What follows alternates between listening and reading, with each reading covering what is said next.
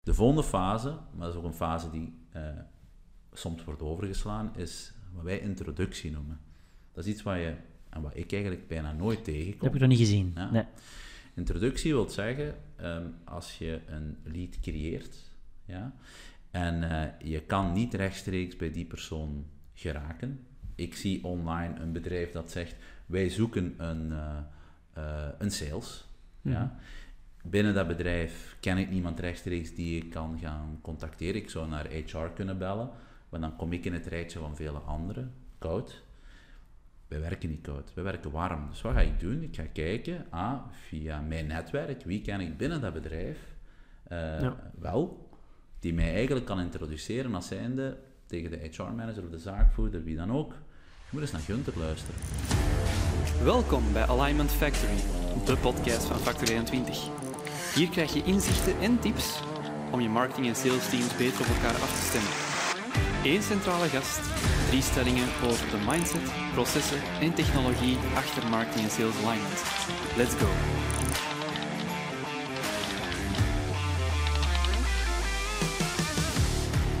Dag allemaal, welkom bij een nieuwe aflevering van Alignment Factory. Nico, we gaan vandaag onze tiende gast ontvangen. Het is, uh, het is rap gegaan, maar we zitten al aan tien. Ja, ja zeker en vast. Uh, Gunther uh, vandaag in de show, heel leuk om te zien. En uh, Gunther komt van heel ver, hè? toch wel van vrij ver. Affirmatief. Affirmatief, dus dat is wel leuk als we zo'n verre gasten mogen ontmoeten na Lise van vorige week. Ja, inderdaad. Dus vorige week Lise... Ja bij Van Proactify. Geeft ondertussen ook les op de hogeschool in, in Hasselt. Uh, we blijven vandaag een beetje in, in de salessferen. Uh, we hebben vandaag een, een salescoach, een, een, iemand die vers bloed geeft uh, in, in sales teams. Iemand die samen met Mechelse Creatief ook sales- en marketingteams op één lijn zit. Dat Gunther Amerika. Goedemiddag, heren. Hey, Hoe gaat het? Bij mij alles prima. Ja. Ja, Het, is, het, zijn drukke tijden, maar dat is al voor iedereen. Spannende tijden. Maar... Einde van het jaar, budgetten, budgetten, budgetten. Yes, we know. ja, zo gaat dat. Maar ja, dat zijn goede tekenen dan, hè? Ja. Dat is waar. We kunnen het budget nog halen, dus dan zijn we bij de goeie. Ja. het is dat. Er zijn er anders.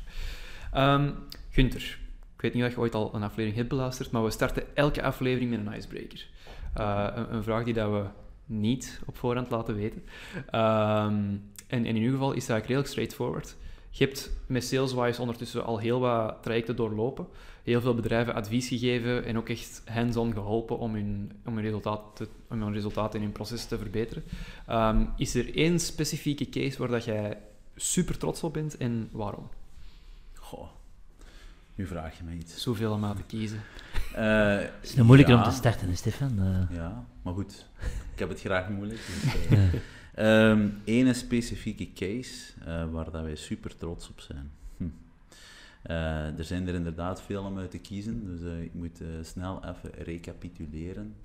Um, eigenlijk hetgene wat bij mij nu binnenschiet is, um, zo bij Saleswise gestart zijn, 6,5 jaar geleden, zijn wij gestart eigenlijk met vier, vier venoten. en hebben wij als vier venoten gezegd van kijk, ja, we, willen, we willen eigenlijk het goede voorbeeld geven voor iedereen die naar ons komt. Dus we zijn eigenlijk onszelf gaan verhuren, om het dan kort door de bocht te zeggen, aan bedrijven. En ik ben zo bij CCV terechtgekomen. Mhm. CCV, voor degenen die het niet kennen, hè, Atos Worldline is door iedereen wel gekend van de ja? betaalterminals. CCV is in België de nummer, eh, de nummer twee. Oké. En uh, ik ben daar begonnen als sales manager. Hè. Ik ben dan verhuurd vanuit Saleswise aan, aan hen om daar uh, het field sales team aan te sturen.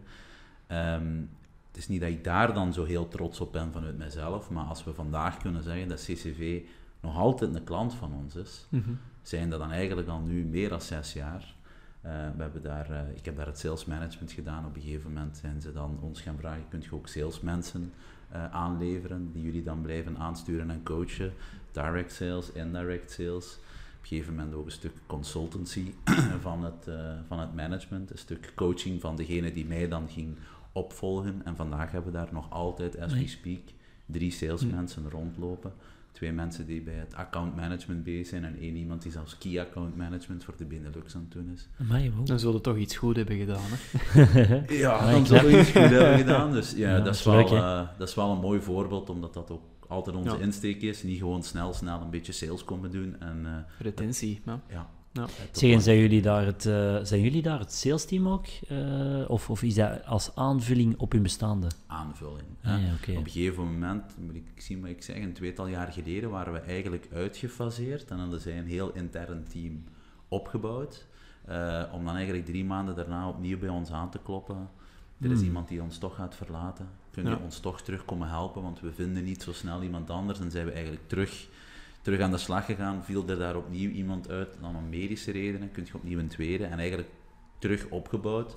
Maar Mhm. altijd met de insteek van als zij op eigen kracht verder kunnen, zijn wij de eerste om te zeggen om ons daar Mhm. overbodig eh, te maken. Ja. Ja, dus consistentie, eh, eigenlijk Ja. was het punt vooral. Continuïteit. ja. Ja. of Ja. continuïteit. Oké, mooie case, mooie case. Hm. Ehm, we zullen er ineens invliegen in de stellingen. Helemaal. Uh, dus zoals altijd, drie stellingen rond mindset, processen en technologie rond sales en marketing alignment. We beginnen met mindset, want dat is de belangrijkste. Als de mindset niet goed zit, dan zit niks goed. Ehm, nu, Gunther, eh, ondertussen al gezegd geweest, hè, je bent een sales coach, eh, je bent ook een sales consultant, hè, je, hebt, je hebt zelf als sales director eh, in, in bedrijven gezeten. Ehm, nu, jij komt vaak binnen in bedrijven om, om de cultuur, om de processen te bekijken, om, om die aan te pakken, zodat je kunt streven naar betere resultaten. Ehm, als je dan kijkt naar mindset, wat zijn voor u dan de meest voorkomende issues bij, bij sales- en marketingteams vandaag? Wat zijn de eerste dingen die dat jij van de baan wilt hebben?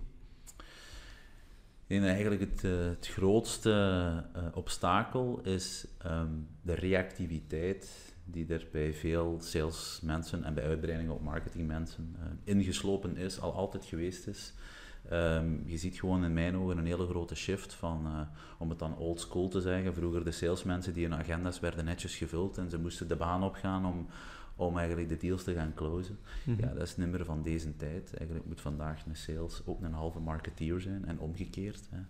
Eh, om ervoor te zorgen dat hij ook een stukje zelf aan lead generatie kan doen Mhm. en eigenlijk zelf proactiever aan de slag gaat, zelf de markt induikt en niet moet wachten tot als zijn of haar agenda gevuld wordt, zelf of door aanvragen van buitenaf. Dus die reactiviteit, dat is eigenlijk in mijn ogen een grootste bottleneck. eh, om die te gaan ombuigen naar een eh, meer proactieve mindset. wetende van, ah, wil ik groeien, wil ik mijn bedrijf helpen groeien, eh, door zelf ook op zoek te gaan naar leads, door zelf naar buiten te treden en niet te wachten Mhm. totdat ze op jou zelf afkomen. Ja, en is die, ehm, die reactiviteit, is dat volgens u eh, erin geslopen? Is dat altijd geweest? Waren we vroeger proactiever? Denkt u? Of hoe ziet u dat? Nee, ik denk niet dat we vroeger proactiever waren. Ik denk dat gewoon de omstandigheden anders waren. Ja, ja. Als je, als je heel de digitalisering eh, gaat bekijken, als ook eh, als je, om maar één bedrijf te noemen, Google gaat bekijken, dat was er vroeger allemaal niet. Hè. Vroeger was het, eh, waren eigenlijk de klanten een beetje afhankelijk van ja, die salespersoon die gaat het hier komen uitleggen en dan gaan we het weten. Dat was de enige bron van informatie bijna. Juist, Ja. dus dat eigenlijk helemaal omgekeerd. De mensen weten het al op voorhand en moeten sales nog wel het verschil gaan maken, hè, die human interface, om ervoor te zorgen dat, dat die deal geclosed Ja. wordt. Ehm, en ja, vroeger ja, was iedereen veel gemakkelijker bereid om dan, ah ja, stuurt die persoon maar een keer langs, dan weten we eens eh, Mhm. waarover het gaat. Mhm. Dus het was veel gemakkelijker om, eh, om die agenda gevuld te krijgen. Dat ging eigenlijk vaak vanzelf.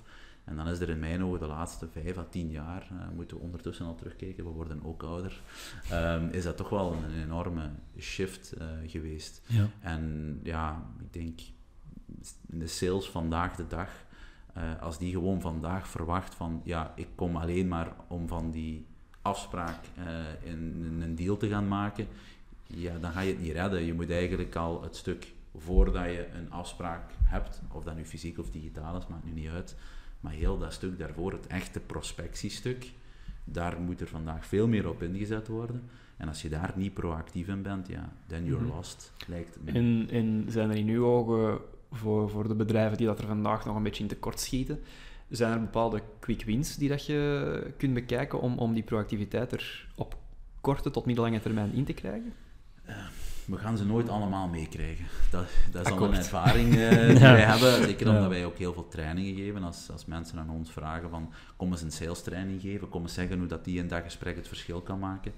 Dan gaan wij heel, veel beginnen, eh, eh, heel snel beginnen met, waar zit eigenlijk het probleem? Dat is vaak niet in het gesprek aan zich, maar de mindset van, ja Mhm. maar oh, we moeten wel op een andere manier eh, sales gaan doen vandaag. Hm.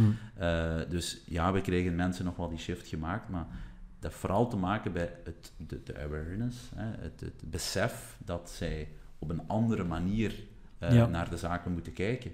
Daar gaat het vaak mis. hè. Ik hoor het vaak, nog iemand vorige week op een training, die zei, ja, maar ja, ik, ik doe dat al zo lang op die manier, ik heb daardoor mijn successen geboekt, maar als je dan vandaag gaat kijken naar de resultaten dat hij boekt, is dat altijd elk jaar minder en minder, Mhm. omdat hij het ook op dezelfde manier blijft doen. Dus de, het besef creëren dat het een stukje anders moet, dat je nog altijd kan teren op ervaring uit het verleden, fine. Mhm. Maar zeker alles wat te maken heeft met lead generation, prospectie, dat stuk, moet op een veel proactievere manier. Ene keer aan tafel hè, eh, is, er, eh, is er natuurlijk een heel ander speelveld. Vandaag aan tafel geraken. Dat Is moeilijker, hè? Ja, en, en ik hoor dat ook vaak bij klanten, dat ze zeggen van ja, we, eh, hoe dat klanten vaak bij ons terechtkomen, is omdat ze bijvoorbeeld zeggen, ja, onze resultaten vallen terug en we, we kunnen de afspraken niet halen die we, die we vorig jaar hadden gehad. Dus zo de, de, de, de maatstaf van onze marketing of onze salesacties zijn niet goed niet meer. Ja, het is niet altijd dat, hè. het is gewoon de, de acties die je doet om mensen ver genoeg te krijgen Ja. om met het salesteam aan tafel te zitten. Daar Ja. is gewoon een gap. eh. Ja, en daar zit dan in mijn ogen die alignment, Ja, waar inderdaad. ik samen met jullie heel grote voorstander van ben. Daar moet je sales en marketing gaan samenbrengen. Mhm. Eh, om ervoor te zorgen dat je zoveel mogelijk eh, kansen en ook de grootst mogelijke kans op slagen gaat creëren. Ene keer als je dan aan tafel Mhm. bent. Daar is die samenwerking in mijn ogen heel erg belangrijk. En dan kan je wel zeggen, dan is het even aan de sales. Maar ene keer als dan iemand terug klant is en om van die klant dan een ambassadeur te maken, die dan weer voor nieuwe instroom van leads kan Ja, zorgen, ja, ja, dan is daar ook weer die alignment in mijn ogen cruciaal. Cruciaal, ja. En, en hoe, welke indruk heb jij vandaag van de algemene mindset naar alignment toe? Heb jij de indruk dat het ene team dat bijvoorbeeld meer ziet zitten dan het andere team? Of hoe moeten we daar naar kijken? Ik denk dat we nog heel veel werk hebben, eh, heren, dat sowieso. Eh, dus eh, op, op dat vlak, ja, ah, ik spreek 80% van de mensen eh, die ik spreek, zien dat nog niet in. Nee. Als je dan daar kort over spreekt, dan zeggen die, ah ja, logisch, Dit Maar moeten we doen. maar ze doen het niet. Voilà. Nee. Dus er is daar nog heel veel, eh, heel veel pionierswerk eh, te doen. Eh, dus Mhm. blijf dit vooral doen. Hm. Eh, maar eh, het voordeel is, als je er dan over spreekt, dat je wel snel resultaten kan boeken en dat je het zelfs met heel simpele interventies, met quick wins, Mhm. Wel al snel naar alignment kan gaan en dat het daarvoor niet eh, rocket science moet zijn Nee. of heel grote changes die moeten gebeuren. Mhm. Eh, dus in die optiek, eh, als ik bij mensen praat, is het vaker niet dan wel. Als Mhm. ben. Waar zit volgens u de sleutel? De sleutel, want wij voelen aan dat zoiets, de- dat dat vooral moet gedragen zijn door ehm, het C-level. Eigenlijk dat, dat, dat, dat de CEO zo overtuigd moet zijn van het verhaal van kijk, we moeten die, die silos die er al eeuwen zijn, moeten we nu echt gaan aanpakken. Ehm, want we merken vaak heel veel weerstand als je in, in, bij sales managers of, of, of marketingmanagers dat wilt doen, dat die zeggen, ja, maar ik zit, in, ik zit niet in een vacuüm. Dus ik zit in een, in een omgeving van, van stakeholders. eh mijn sales manager die staat naast mij. eh, ik Ja. heb mijn, mijn, mijn marketingmeester dat ik in gang moet zetten. Ik moet rapporteren Ja. aan mijn CEO. Dat dat heel moeilijk is om dat op hun rol ehm, ja, te laten bewegen. Dus ik Ja. denk dat daar een heel belangrijke weg ligt, ligt voor, Ja. voor, voor bijvoorbeeld een CEO. Dus Ja. die van, kijk jongens, dat is onze visie. En zo gaan we het aanpakken. Ja, klopt. Als de CEO niet mee is, ja, eh, Dan stopt het, hè? Het puur bottom-up werken gaat niet, maar het puur top-down werken, hè, vanuit het C-level of vanuit de zaakvoerder naar de mensen, ook dat werkt niet. Je moet dat Mhm. echt wel in mijn ogen gaan Mhm. integreren. Gelijk wij zeggen, sales en marketing moet je integreren, moet je dat ook in de organisatie gaan integreren. En dan kom je terug bij het vorige punt, dan kom je bij mindset. Want als die mindset niet juist zit, dan Mhm. kun je daar al je processen op gaan enten. It ain't gonna work. Ze gaan het gewoon niet toepassen. Mensen moeten begrijpen waarom moeten we dat doen. En vooral, what's in it for me? Hè? Ja. Ik eh, spreek graag over sales en marketing. 1 plus 1 is 3. Ja. Dat is ook effectief zo. Dat kun je zelfs cijfermatig gaan aantonen, Mhm. dat je met minder inspanningen eigenlijk eh, dus minstens dezelfde en vaak zelfs meer resultaten kan, eh, Mhm. kan boeken. En als je dat allemaal op tafel legt en je hebt voldoende tijd om daar met de CEO of met de mensen over te spreken, niemand kan daar tegen zijn. Behalve de mensen die het altijd al zo gedaan hebben en cru gezegd, nimmer lang, eh, bij wijze van spreken, op de arbeidsmarkt actief zullen zijn, met alle respect, die ga je nimmer kunnen meekrijgen. Die gaan het nog altijd een beetje blijven doen zoals ze het nu doen. Mhm. Maar er zijn er vele anderen die we wel overtuigd krijgen. Daar ben ik zeker van. Ja. Ja, ik denk op zich ook, ehm, we weten natuurlijk, eens dat de mindset goed zit, dan, dan volgen de processen en technologie vanzelf, vandaar dat we de- deze stelling als eerste nemen. Ehm, heb jij het gevoel, Gunther, dat, stel, je hebt, ik zeg je iets, 75% van het bedrijf mee, in wat dat je wilt zeggen. Gaat die 75% ervoor zorgen dat die resterende 25% uiteindelijk ook mee in het verhaal komt en dat die gewoon iets langer nodig hebben? Of ga jij eerder van mening zijn van, ja, kans bestaat die gewoon een andere plek gaan zoeken? Ehm, de ervaring die ik al lang heb, maar dat is niet alleen bij, bij de alignment van, van, van marketing en sales, maar over het algemeen is het, eh, eh, ik weet niet of je de parabel van de kar kent. Hè, er zijn mensen die de kar trekken, er zijn mensen die op de kar zitten, dus die gewoon meebewegen. En je hebt er altijd die de kar tegenhouden, hè, Ja. tegentrekken. Ja. Dat is ongeveer een derde, een derde, een derde. Dus ook als, je, als wij een sales training gaan geven, dan ga je zien, als je daar een sales team hebt van, eh, eh, van zes mensen, dan kan ik u op voorhand al voorspellen. Twee, dat zijn toppers, die zijn mee, die, eh, daar is het fine-tunen. Twee middelmatige, daar kunnen we wel nog goede mensen van maken, maar je gaat er altijd dan twee hebben die, die zeggen... Die vastzitten in hun gewoontes en in... Juist. Ik dacht het juist, niet. Juist. En daarom, als je dan 75, 25 eh, eh, zegt, ja, eh, het moet niet altijd een derde, een derde, maar het zal ongeveer wel zijn. Je gaat nooit iedereen mee kunnen krijgen. Mhm. En zeker in bedrijven die al langer bestaan, zeker in bedrijven waar dat er al bepaalde gewoontes gecreëerd zijn, hoe langer dat, dat is, hoe moeilijker dat je die, die change gaat moeten doormaken.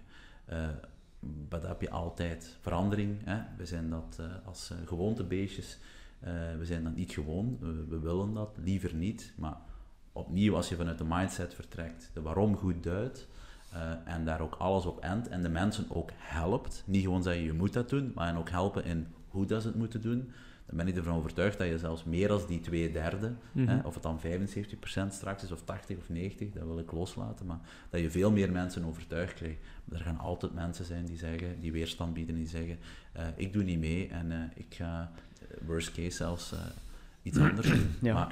Ja, als ik 75%, sorry dat ik onderbreek, Mhm. mee heb, Mhm. en ik ga bij die 75% aan de slag en we gaan het bij die 75% beter doen, ben ik van overtuigd Mhm. dat je zelfs die 25% ah, niet nodig hebt om Mhm. opnieuw meer stappen Ja. vooruit te maken. Ja, je zegt nu inderdaad van, van hé, er gaan mensen zijn die zeggen van, ja, ik doe hier niet aan, niet aan mee, ik ga nergens anders naartoe. Ik denk dat je ook mensen hebt die zeggen van, ik doe hier niet aan mee, ik blijf gewoon doen wat ik doe en ik blijf hier. Ehm, hoe moeten bedrijven omgaan met dat soort mensen? Vooral praten met de mensen. Nou, Ehm, begrijpen in de waarom heel veel naar voren schuiven. Ja. Juist. Start En- with why. Ja, start with why. eh, komt, zal vaak terugkomen, maar het gesprek aangaan en, en ook vooral die mensen begrijpen. En er gaan ook mensen zijn waar ik dan van zeg van oké, ik begrijp zelfs dat je daar niks aan gaat veranderen. Mhm. Alleen het dan in een bredere context gaan, gaan plaatsen en zeggen van maar ga jij hier dan nog wel gelukkig blijven? Mhm. Hè? Mhm. Ik zou niet willen dat er iemand bij, in- binnen mijn organisatie werkt die per definitie niet gelukkig is eh, bij al hetgene wat wij als organisatie doen. Mhm. Dat er altijd wel eh, bepaalde aandachtspunten zijn, dat is, dat is iets anders. Ja. Maar iemand die niet gelukkig is in zijn job, die gaat zijn job ook niet goed uitoefenen. Dan ga ik eerder die persoon helpen om te zorgen dat hij een betere, een andere job heeft binnen mijn organisatie, binnen een andere organisatie, Mhm. om ervoor te zorgen dat het ook weer win-win is. Mhm. Ja. En, en kom jij dat vaak tegen, Nico, dat jij inderdaad in gesprek gaat met mensen waarvan je zoiets is van oei, die zijn niet volledig mee, heb ik de indruk. Ehm, en, en is het dan heel moeilijk om die op diezelfde lijn te krijgen als u?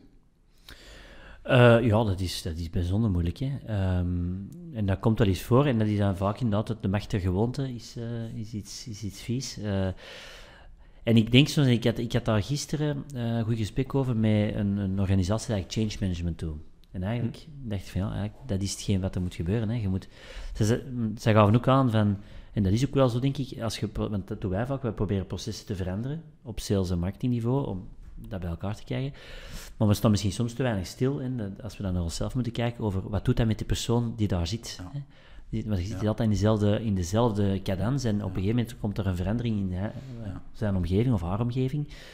Eh, en, en dat goed uitgelegd krijgen en Ja. dat begrijpen en daar ook een antwoord op kunnen bieden, dat is ook deel van het, van het verhaal, van de mindset, maar ook Ja. voor, voor de persoon Ja. die, het, die het moet gaan doen. Hè. Ja. En ik denk dat we daar soms ook wel nog te weinig eh, aandacht geven van, oké, niet iedereen kan even gemakkelijk met verandering omgaan en we moeten, we moeten die argumenten ook op de juiste manier op tafel kunnen leggen. Ja, en velen begrijpen het niet altijd. Het is gewoon vaak onbegrip, hè? Dus dat heb ik ook wel gemerkt. Het is niet van soms niet willen, het is gewoon onbegrip. Ah, ja, en- werkte toch wat ik deed. Waarom moet ik dat nu in één keer gaan veranderen? Mhm. En ja, dan, dan krijg je weerstand. Hè. Ik begrijp het, ik doe dat al tien jaar, Ja, zoals ja, wat je zegt. Ik doe dat al tien jaar en ik heb al tien Ja. jaar goede resultaten. Ja. Eh, maar als wij hen laten nadenken van wat als ze anders zouden doen, zouden dubbel zo goede resultaten leveren. Ja. Is dat iets waar je voor open staat? Ja, dan voelde al direct van oké, we moeten Ja. eens bekijken. Dus het gaat over inderdaad dat argument goed kunnen, kunnen, kunnen begrijpen en kunnen weerleggen, denk ik. Eh, Mhm. Maar ik kom dat veel tegen. En dat is een van de moeilijkste dingen. Ja. Een van de moeilijkste dingen. Iets verkopen aan de verkoper. Hè? Ja. ja, nee, dat gaat niet over verkopen, maar dat gaat over gewoon ehm, andere, andere dingen proberen. Hè. Dus ook durven, durven be- bestaande processen Ja. eens een keer loslaten en eens, Mhm. eens een keer kijken hoe zou het aan de andere kant Ja. werken. Maar wat er dan vaak gebeurt is, je probeert iemand van iets te overtuigen Ja. waar die persoon zelf van overtuigd is. Ja. Je moet die persoon laten inzien Ja. dat die zijn of haar overtuiging moet gaan veranderen. Mhm. En dat is een kleine nuanceverschil, maar dat is gewoon in de aanpak die je gaat doen met de mensen. En het doel zal uiteindelijk hetzelfde zijn. Ja. Alright. Kijk, ik vind het een mooi om deze stelling mee af Ja. te sluiten. Dus ja, om, om misschien even samen te vatten, het gaat allemaal over de waarom. Hè. Wa- Waarom moeten we veranderen? Waarom moet je niet, niet reactief, maar proactief zijn? Eh, snappen wie dat er aan de overkant zi- zit, wie dat die een derde is dat u wat probeert tegen te werken, en hoe dat je ervoor kunt zorgen dat je zoveel mogelijk mensen aan je kant hebt. Mhm. En dat is de basis, de start, denk ik, van een goede sales en marketing alignment traject. Yes. Oké, we naar stelling 2, processen. En vandaag gaan we het specifiek hebben over de pipeline. Pipeline, daar hebben we het eigenlijk nog niet superveel over gehad. Ik denk kort met Michael Amble. Eh, ja. Dat, Ja, eh, Het zal, eh ja, dat, zal deals on hold kort, hè. Ja, ja, inderdaad. Ja. Ehm, nu, pipelines, ehm, we kennen ze allemaal. Ze bestaan in heel veel verschillende vormen. Je hebt er hele korte, je hebt er hele lange, je hebt er die daar vol zitten met 10.000 deals die daar nog on hold staan of gewoon niet opgevolgd worden. Je hebt er dan weer heel clean. Ehm, en ik weet niet of er ergens een, een gouden formule bestaat voor een pipeline. Ik denk wel dat wij onze luisteraars enkele eh, zeer goede richtlijnen kunnen meegeven over hoe dat een, een goede kwalitatieve pipeline eruit ziet of eruit zou moeten zien. Dus ehm, ja, ik ga ineens naar u kijken, Gunther. Ehm, als jij voor eender welk bedrijf vandaag een pipeline gaat opmaken, ehm, wat zijn de dingen waar dat jij rekening mee houdt? Pipeline, voor alle duidelijkheid, dan spreek jij over een proces waarheen eigenlijk de, de suspect we tot een Tot een deal. en Ja. tot een deal eh, willen brengen. Ehm, wat ik merk is dat, eh, als, we hebben er al veel gezien, we zijn er ook elke dag in actief bij onze klanten, is dat je op een gegeven moment eh, het bos door de bomen niet meer ziet. Hè, omdat er daar zodanig veel zaken ingestoken worden dat je eigenlijk het overzicht kwijt bent.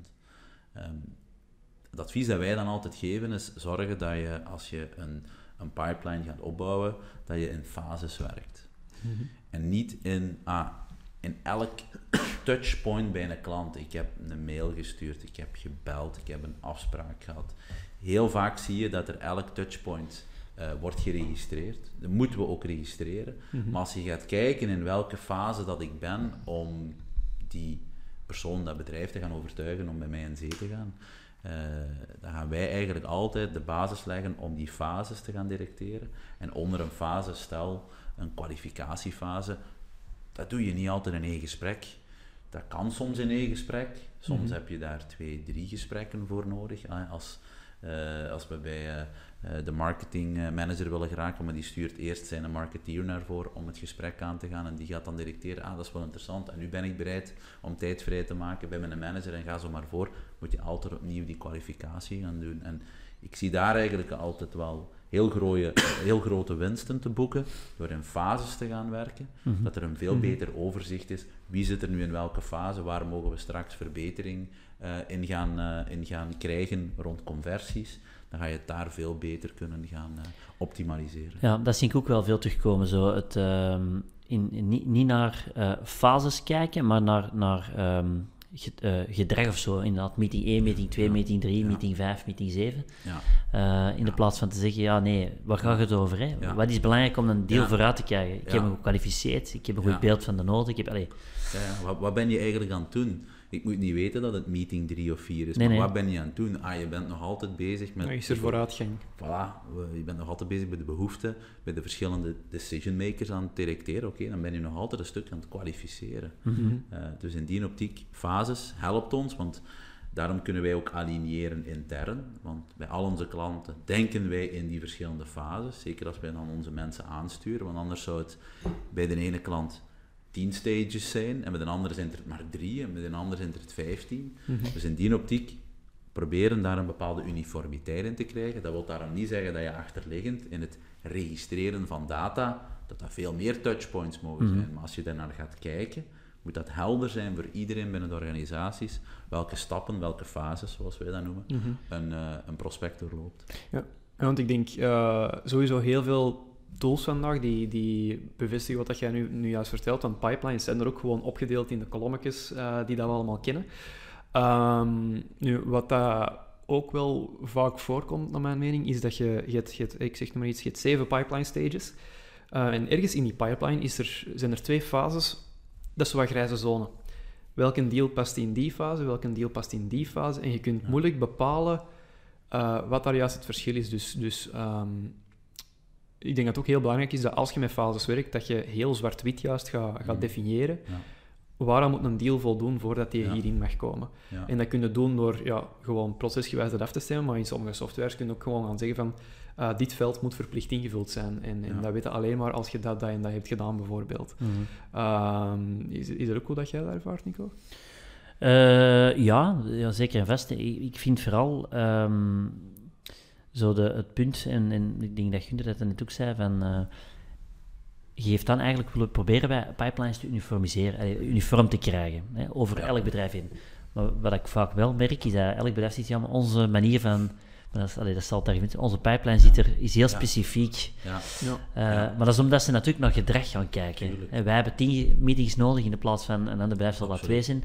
Maar daar gaat het eigenlijk niet om. Dat is niet de essentie Nee. van een pipeline. Dus het Nee. begrip Ja. eh, vind ik eh, wel helemaal anders. Ja. En als je dat niet helder hebt, dan ga je inderdaad die verwarring soms krijgen van Ja. fase Mhm. 6 en 7. Ja, wat is dat hier nu net? Ja, Want ik heb dat niet nodig gehad Ja. die, in deze. Ik Ja. heb dat extra gesprek niet nodig gehad. Wat doe ik daarmee? Ja. Skip ik die dan? Hou ik die dan? ja, inderdaad.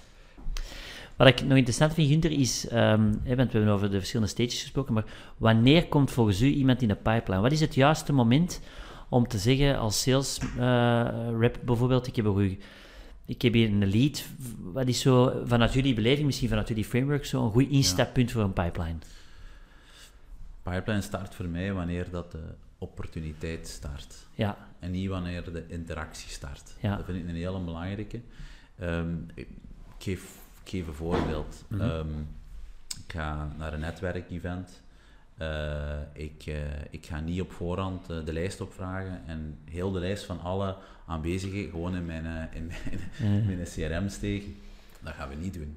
Maar wat ik wel ga doen, is eigenlijk op voorhand gaan kijken. Ah, ik detecteer drie, vier, vijf mensen. Ik bereid dat voor. Ik zeg, ah, dat zijn interessante bedrijven. Die zouden wel baat kunnen hebben bij ons een, eh, een gesprek eh, bij, bij Saleswise. Dan durf ik wel zeggen, ik ga mij daarop richten.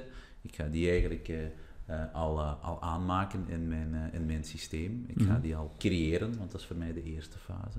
De creatie. Een creatie van een opportuniteit. En ik ga dan daar eh, gericht het, eh, het gesprek mee aan. ah ja, en ik zeg niet dat ik die allemaal ga overtuigen om eens deftig bij mij aan, tafel te zitten. Maar ik heb wel daar... Ik ga wel starten, in mijn ogen, met de opportuniteit. Pak, ik heb vijf mensen gesproken, er drie willen een afspraak en twee niet. Stel dat ik enkel maar die drie in mijn, eh, in mijn CRM steek en ga creëren, ja, dan ga ik die andere twee, ga ik die niet meer opvolgen. Dus ik Mhm. steek- ik steek ze allemaal erin, ik creëer ze. Die drie, die gaan we dan uiteraard in de pipe gaan opnemen. Hè. Dan komt de kwalificatie als je je eerste gesprek hebt. Maar die andere twee, die hebben tegen mij gezegd, voor mij nu niet, nu niet interessant. Maar die wil ik dan misschien binnen drie maanden, binnen zes maanden eens opbellen, want dan kan het Mhm. misschien wel interessant zijn, want ik heb er wel mee gesproken. ja. En daar zie ik dat er heel veel verloren gaat. En dan is het in een later stadium dat ze mensen zeggen, ah ja, die, die heb ik ooit eens gesproken.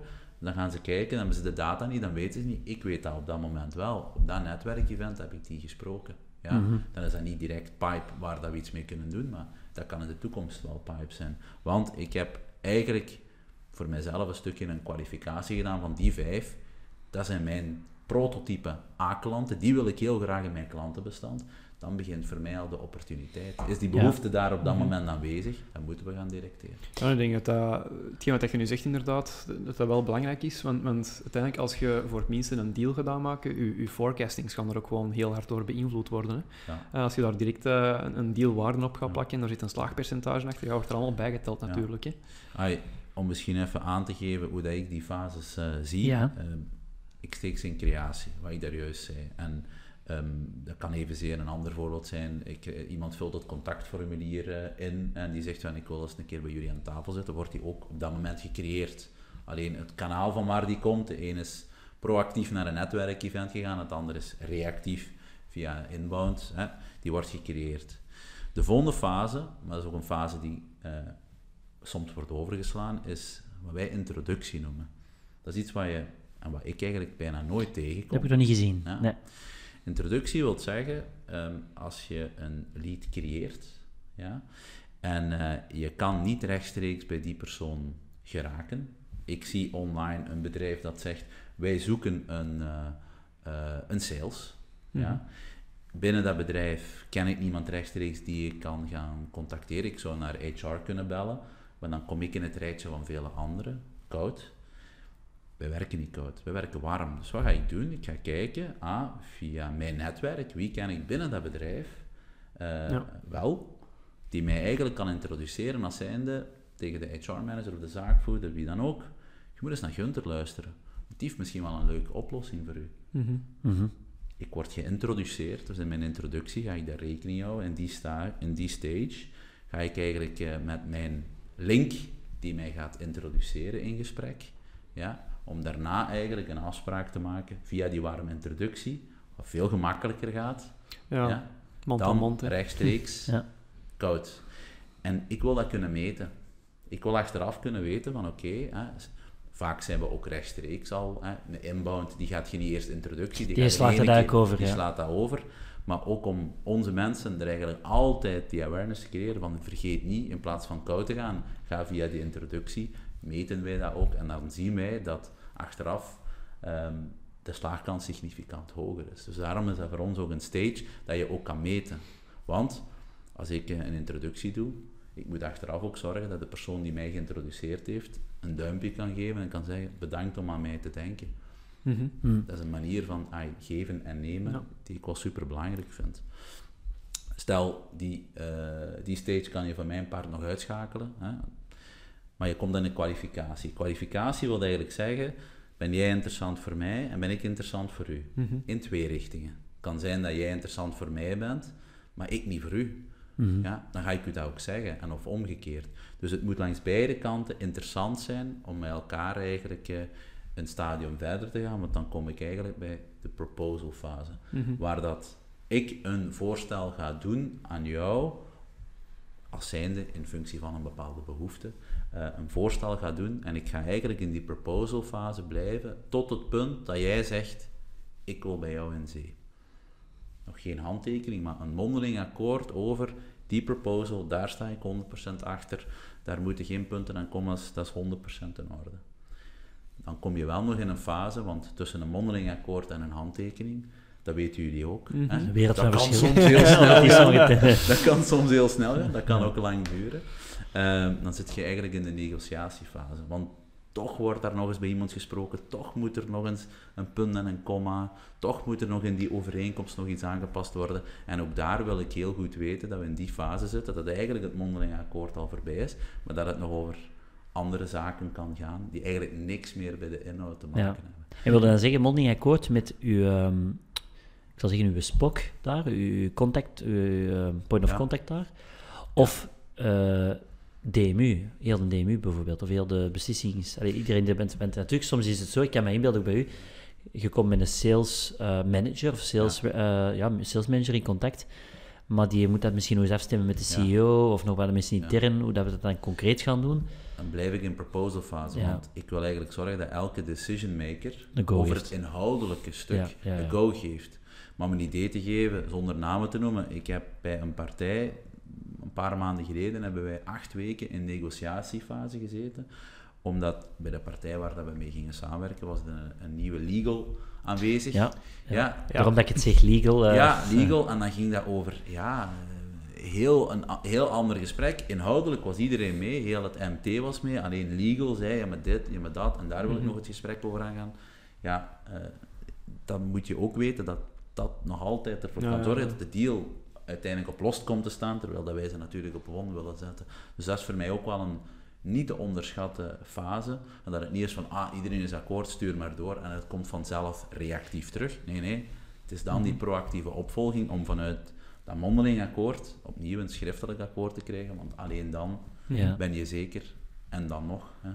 Er zijn zelfs mensen die op schriftelijke akkoorden durven terugkomen. Ja, Eh, maar dat zijn er natuurlijk minder dan bij de mondelingen. ja, akkoorden. inderdaad. Ja, ik denk, ik denk trouwens ook, eh, pipeline wordt, ah ja, daar wordt heel snel de stempel sales opgeplakt, terwijl alignment, daar komt de pipeline ook in Ja. terug. Hè. Ik zeg er juist, je kunt bepaalde velden verplicht maken en dergelijke. Ehm, klassiek voorbeeld binnen marketing en, en- en, sales is, marketing weet niet wat er met, wat er met hun leads gebeurt.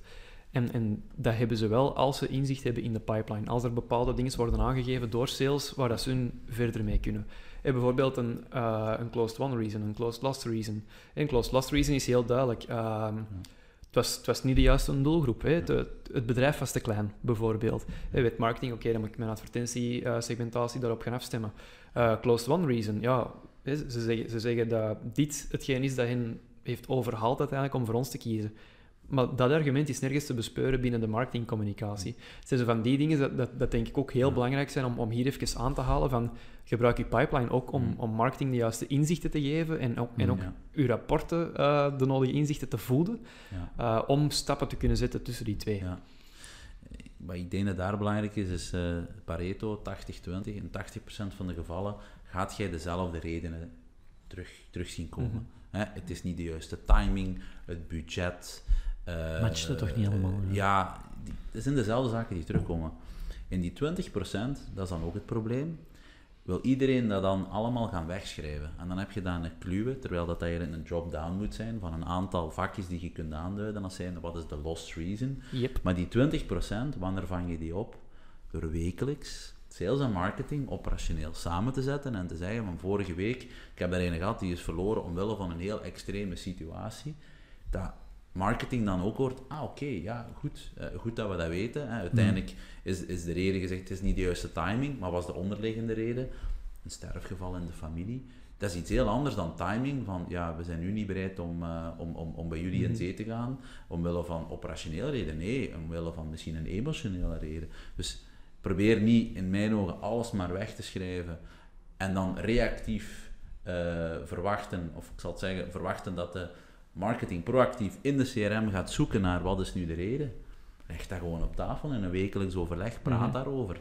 Dan ga je veel meer stappen vooruit mee maken. Ja, inderdaad. Ehm, en ik wil er even op inpikken, want eh, ik- als het, voor mij gaat het dan deels ook over het punt kwalificatie. Ik denk, eh, of wat ik vaak zie als het dan over pipelines gaat, dat, dat ook vaak in die kwalificatie ook wel wat, ehm, hoe moet je dat zeggen, eh, misvattingen zijn ontstaan. En, en dan denk ik misschien, eh, en dat is dan misschien uw veld, eh, van soms denk ik dat salesmensen niet hard genoeg durven kwalificeren in het begin, maar anderzijds ehm, is er ook vaak geen gesprek met marketingteams over dat qualified aspect. Hoe ziet dat eruit? Hè? Hoe ziet die een ideale Ja. klant er voor ons uit? Wat zijn de harde kwalificatieparameters die wij als sales Ja. team hanteren? Mhm.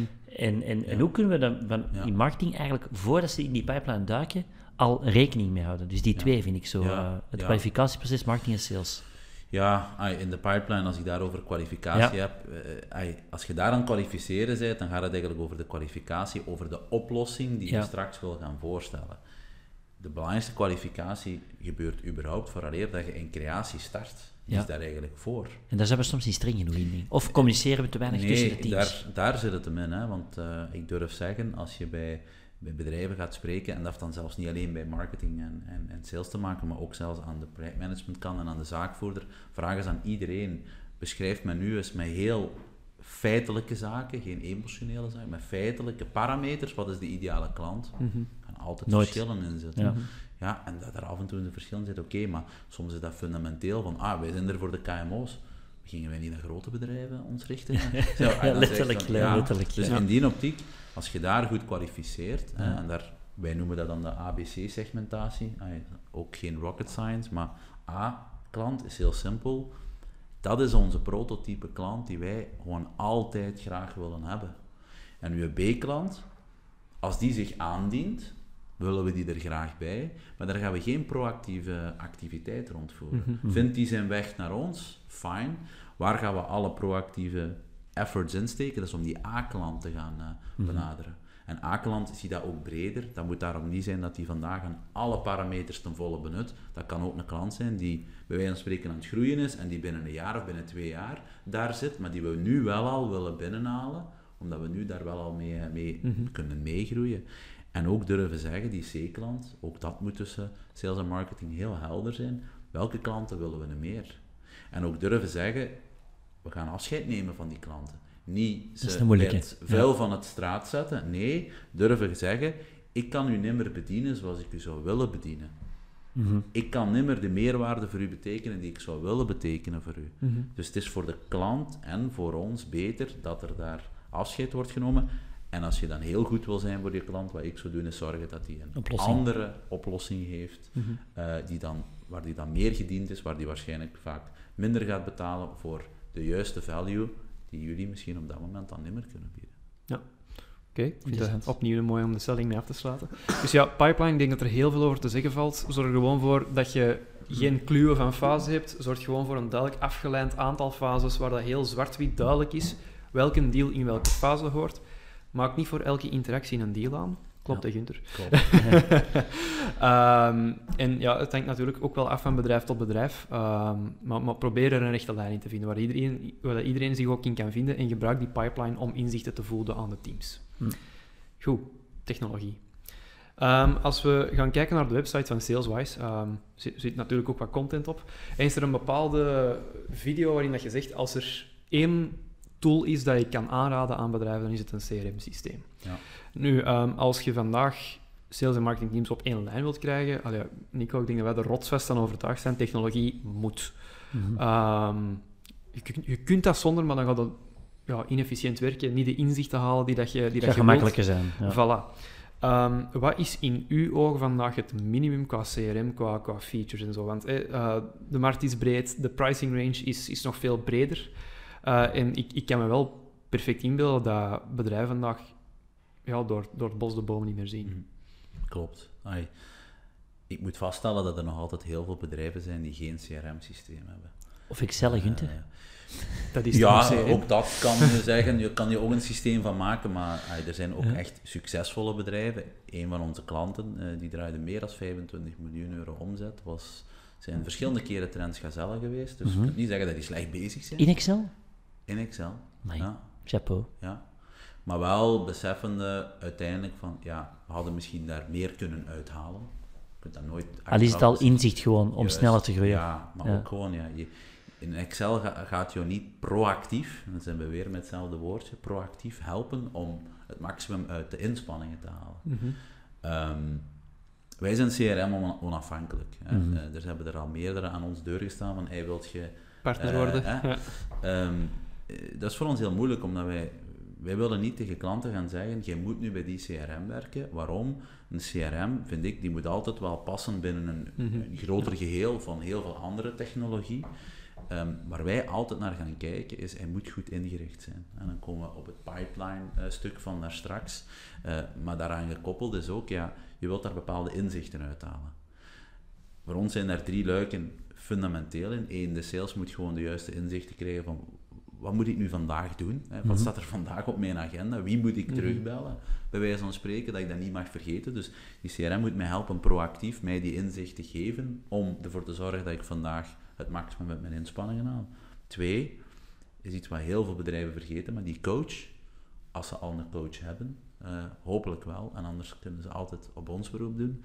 Maar die coach, die, eh, die moet ook inzichten hebben, want die moet gaan kijken van oké, in die stages, ja, waar zijn de verbetermogelijkheden? Hoe kan ik toch zorgen dat ik met minder calls evenveel afspraken, of misschien meer afspraken, hoe kan ik ervoor zorgen als ik die kwalificatie gedaan heb, dat ik ay, meer offers kan doen en hoe kan ik zorgen dat ik uit, uit, uit eh, de offers meer deals kan halen. Dus voor die Mhm. coach is dat heel erg belangrijk om daar ook te gaan meten hoe schuiven we op? En als derde, ja, dan is dat het management of de projectmanagementkant, as you wish. Die moeten ook weten, ja, welke deals komen eraan? Want wij moeten misschien nog, weet ik wat, materialen gaan bestellen, mensen gaan voorzien om het te gaan uitvoeren. En het is eigenlijk in die drie luiken, daar moet het dan voor ons juist zitten.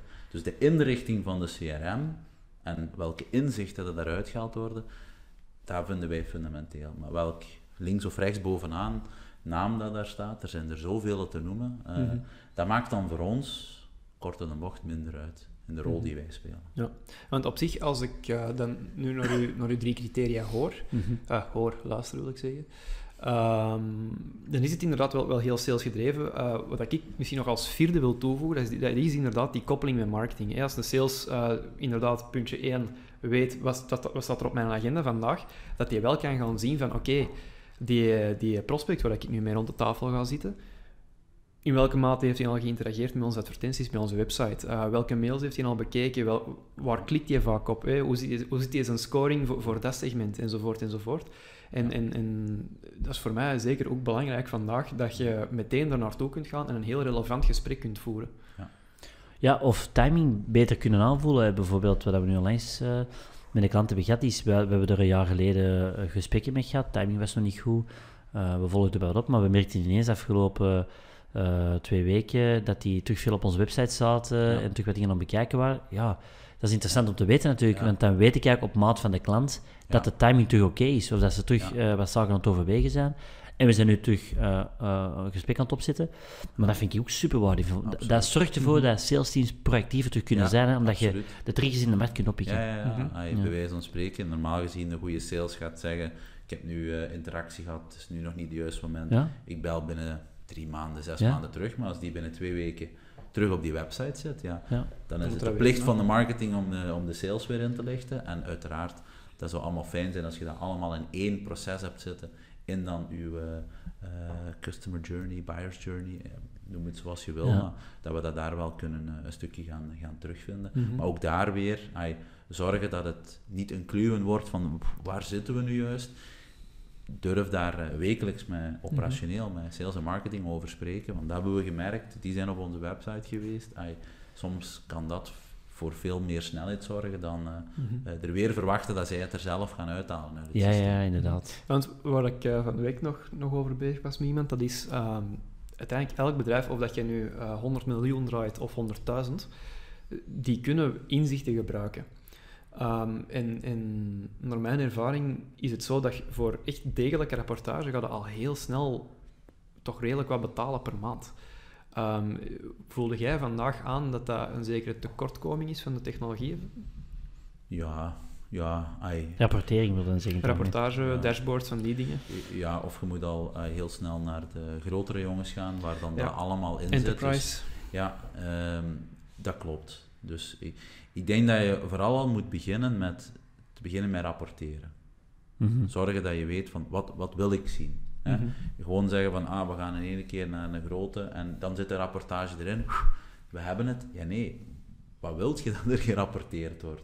Waarop gaan we sturen? Waarop gaan we de mensen helpen? Mhm. Eh, dat, is, dat is de basis en ik zie dat het daar al vaak misgaat. Dat het is, dan is de tool daar, dan investeren ze erin, maar dan hebben ze de inzicht niet, inzichten niet, omdat ze ook niet echt weten van ja, wat willen we daar nu, daar nu uithalen? Ja. En daarom begin eerst met het, al is het maar manueel op te bouwen, dat je weet van oké, we hebben die inzicht, laat dat maar een keer draaien en begin dan te kijken van ah, dat is interessant om te weten, dat eigenlijk niet relevant als we daar nu op terugkijken. Begin dat op te bouwen en ga dan op een gegeven moment kijken van oké, we zijn nu ook gegroeid als bedrijf, wat zijn nog bepaalde uitdagingen die wij op technologisch vlak hebben en ga dan een keuze maken van dat en dat zijn nu mijn requirements en ga daar dan uw CRM op, eh, op Mhm. aanpassen. Mhm. Want ik denk, als, als mensen bij ons komen aankloppen, Nico, dat, dat dat een van de meest gestelde vragen is. Hè, van, we weten niks, zorg ervoor dat wij eh, meer te weten komen, dat wij daar eh, Ja, meer ja. mee kunnen doen ook. Ja, ja, dat is waar. En ik, ehm allee, bij mijn aanvoelen zit, en ik denk dat allee, Gunther zegt het eigenlijk ook,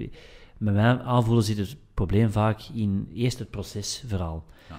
Eh, als ze met CRM beginnen, ehm, mogen ze eigenlijk kiezen. nog niet naar Ja. tools kijken, moeten Nee. eerst kijken, hebben, nee, of dan beseffen ze vaak pas dat ze nog geen proces hebben, want dan zeggen ze, ja, wat heb ik eigenlijk nodig? Goeie Ja. vraag. Ja. Wat gebruik ik nu? Ja, niet veel. Ah, dus we hebben eigenlijk niet veel processen, Nee. dus we moeten eigenlijk eerst die processen definiëren.